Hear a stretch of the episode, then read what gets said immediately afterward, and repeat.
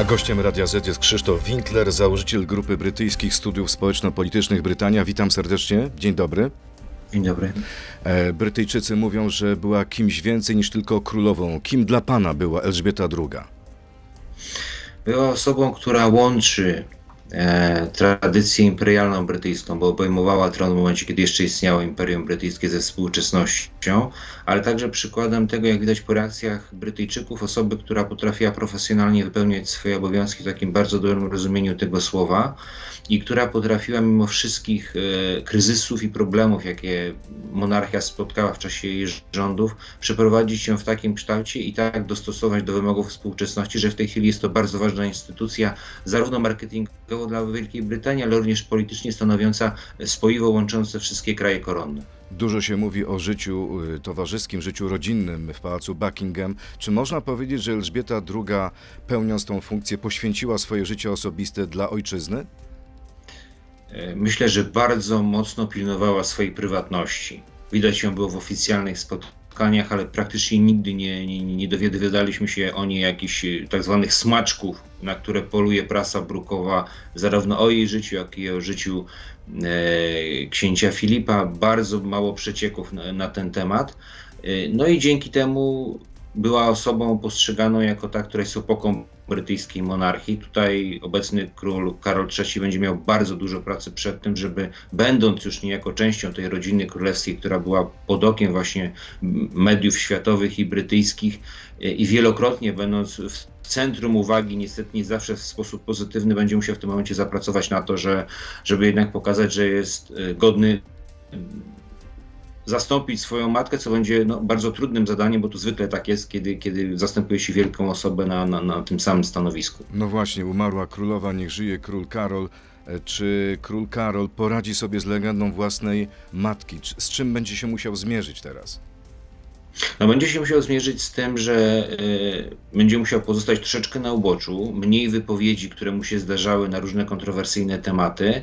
Raczej będzie musiał działać właśnie w zaciszu gabinetów, tak jak królowa. Jeżeli przyjmie taką formułę działania, to jest szansa, że, że zostanie zaakceptowany y, i monarchia też na tym bardzo zyska, ponieważ no, jak zawsze w momentach zmiany y, na stanowisku danej instytucji, a monarchia jest instytucją, no, jest pewien kredyt zaufania, ale jednocześnie jest pewna obawa, jak, jak ta, ta nowa osoba sobie poradzi.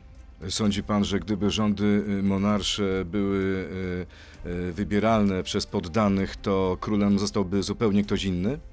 Mm, Myślę, że tak. Myślę, że w tym momencie mielibyśmy pominięcie króla Karola, a królem zostałby książę William i, i, i królową księżna Kate, ponieważ to jest ta para, która zdecydowanie wsparła również królową brytyjską w formowaniu pozytywnego, czy wręcz bardzo pozytywnego wizerunku brytyjskiej monarchii. Czyli jest przepaść między odbiorem, między popularnością króla Karola a Williamem.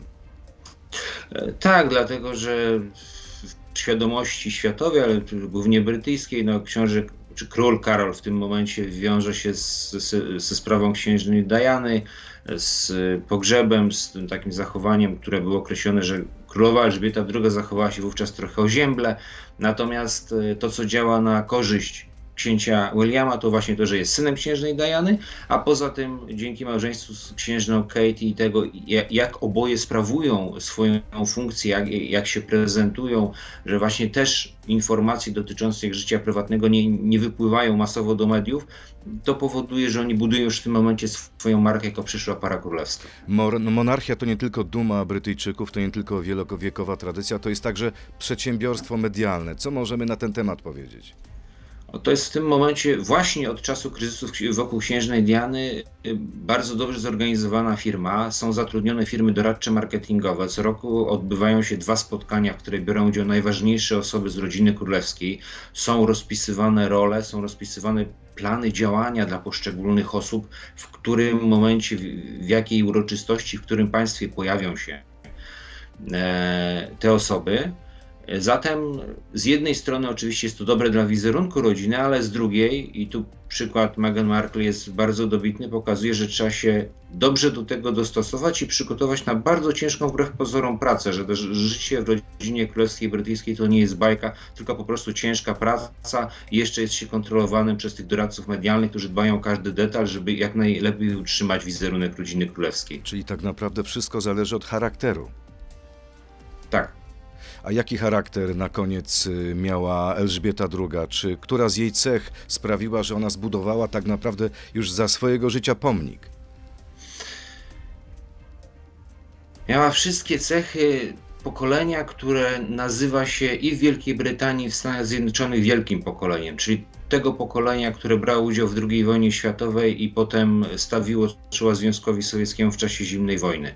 E, Poświęcenie dla swoich obowiązków, profesjonalne podejście, zrozumienie swojego obowiązku i zrozumienie też dobra wspólnego. Bardzo dziękuję. Krzysztof Winkler, założyciel Grupy Brytyjskich Studiów Społeczno-Politycznych Brytania, był gościem Radia Z. To był gość Radia Z. Słuchaj codziennie w Radio Z i na player radioz.pl.